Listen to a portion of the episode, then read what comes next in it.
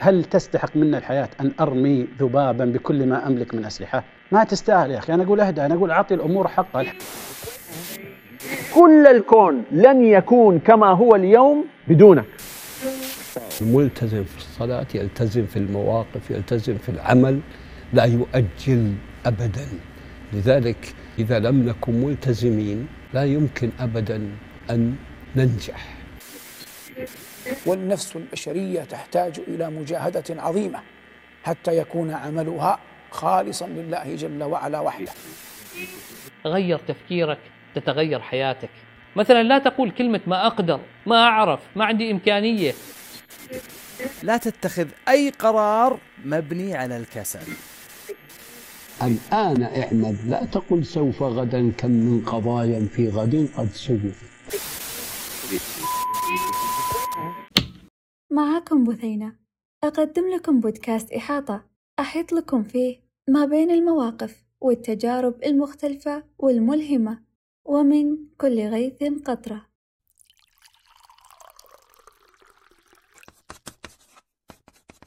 أهلا وسهلا وأسعد الله أوقاتكم بكل خير.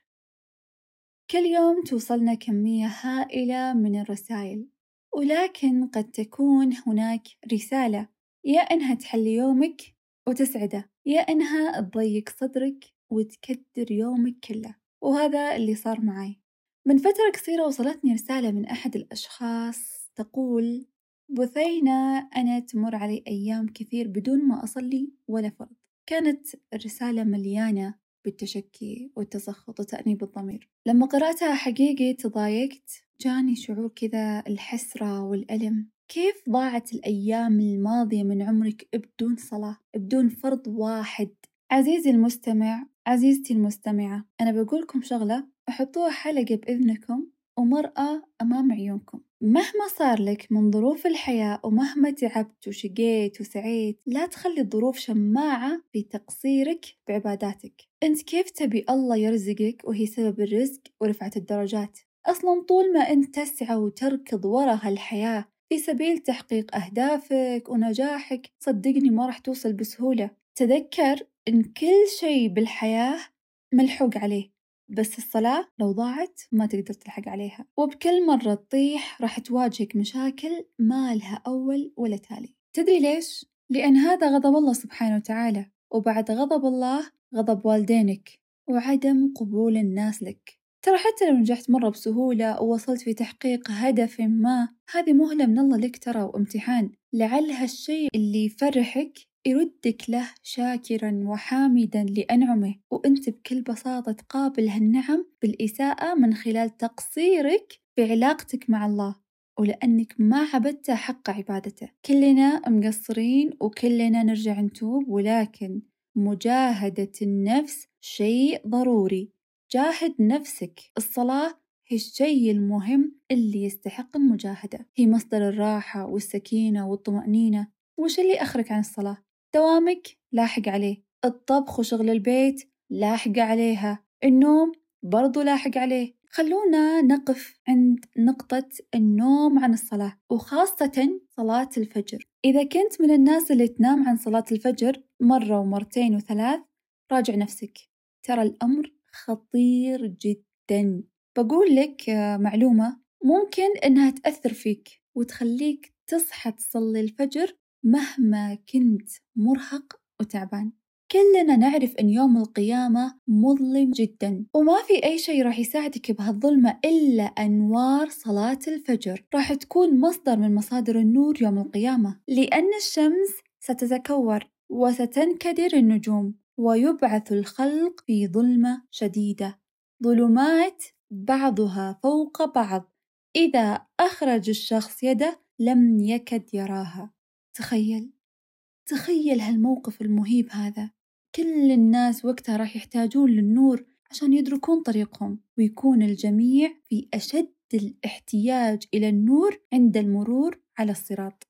فأكثر شيء راح يساعدك هي أنوار صلاة الفجر. قال صلى الله عليه وسلم بشر المشائين في الظلم إلى المساجد بالنور التام يوم القيامة. يا رب اجعلنا منهم. تأمل معاي هالعبارة. هناك من يؤدي الصلاة راحة منها وهناك من يؤدي الصلاة راحة فيها. شوف أنت أي واحد فيهم. تصلي عشان ترتاح واسم إنه أنا صليت فرضي بدون ما التزمت لا بالواجبات ولا بالأركان ولا حتى خشوع أو أنت تصلي عشان ترتاح فيها من هم ونكد وشقة هالحياة. إذا ما كانت الصلاة من أولوياتك أجل وش بيكون أهم وأولى من الصلاة؟ صدقني إذا صلحت صلاتك صلحت أعمالك كلها لأن الصلاة تنهى عن الفحشاء والمنكر الناهية المانعة للمعاصي هي الضمير اللي يخلينا نروح إلى كل خير وكل عمل صالح يقربنا إلى الله. أكثر شيء يقوي العلاقة بين العبد وربه بعد الصلاة هو الدعاء. قال النبي صلى الله عليه وسلم إن الدعاء هو العبادة. تخيل معاي هالموقف الروحاني. الناس كلها نايمة وتصحى كل ليلة قبل الفجر من نومك تتوضى وتفرش سجادتك وبنور خافت وتناجي رب العباد. الله سبحانه وتعالى يقول في كتابه الكريم إذ نادى ربه نداء خفيا.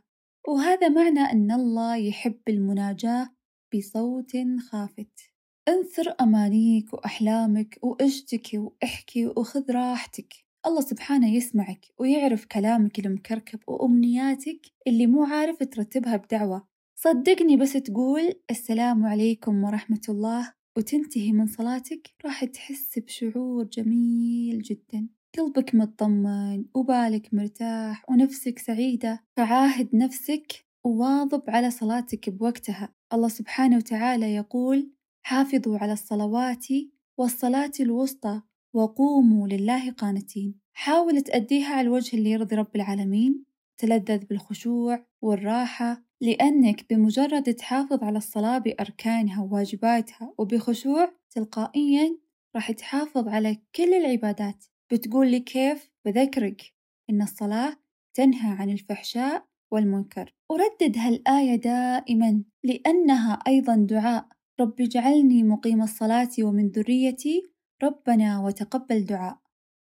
بعد ما سمعت هالحلقة أبيك تجلس مع نفسك وتفكر وتجمع كل الأسباب اللي تخليك تقصر بصلاتك. حاول توصل لإجابة وعقبها عاهد نفسك واجتهد بالمحافظة عليها. والله العظيم راح تسعد وتسعد دنياك. أخيرا احفظ هذا الدعاء لعل يساعدنا كلنا في المحافظة على أداء الصلاة بوقتها وعلى الوجه الذي يرضيه عنا. رب اجعلني مقيم الصلاة ومن ذريتي ربنا وتقبل دعاء.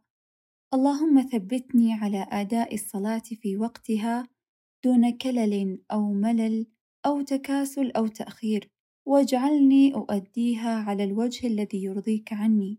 اللهم يا مقلب القلوب ثبت قلبي على دينك. اللهم ردني إليك ردا جميلا. ثم نأتي للصلاة. لا يمكن أن ينجح إنسان غير ملتزم وهذا أي علماء في علم الاجتماع يقول لك أبواب النجاح ألف. لن تدخل من أيها باب حتى تدخل من باب الالتزام. أليس الله أحكم بأن فرض علينا أن نقوم الفجر والظهر والعصر والمغرب والعشاء؟ بهذه الأوقات لنتعلم الالتزام. معنى أن نلتزم أي ننجح ولن نتعلم الالتزام إلا من الصلاة. وهذه نعمة من الله أننا جعلنا نكسر أوقاتنا لنلتزم ومن لا يلتزم لن ينجح.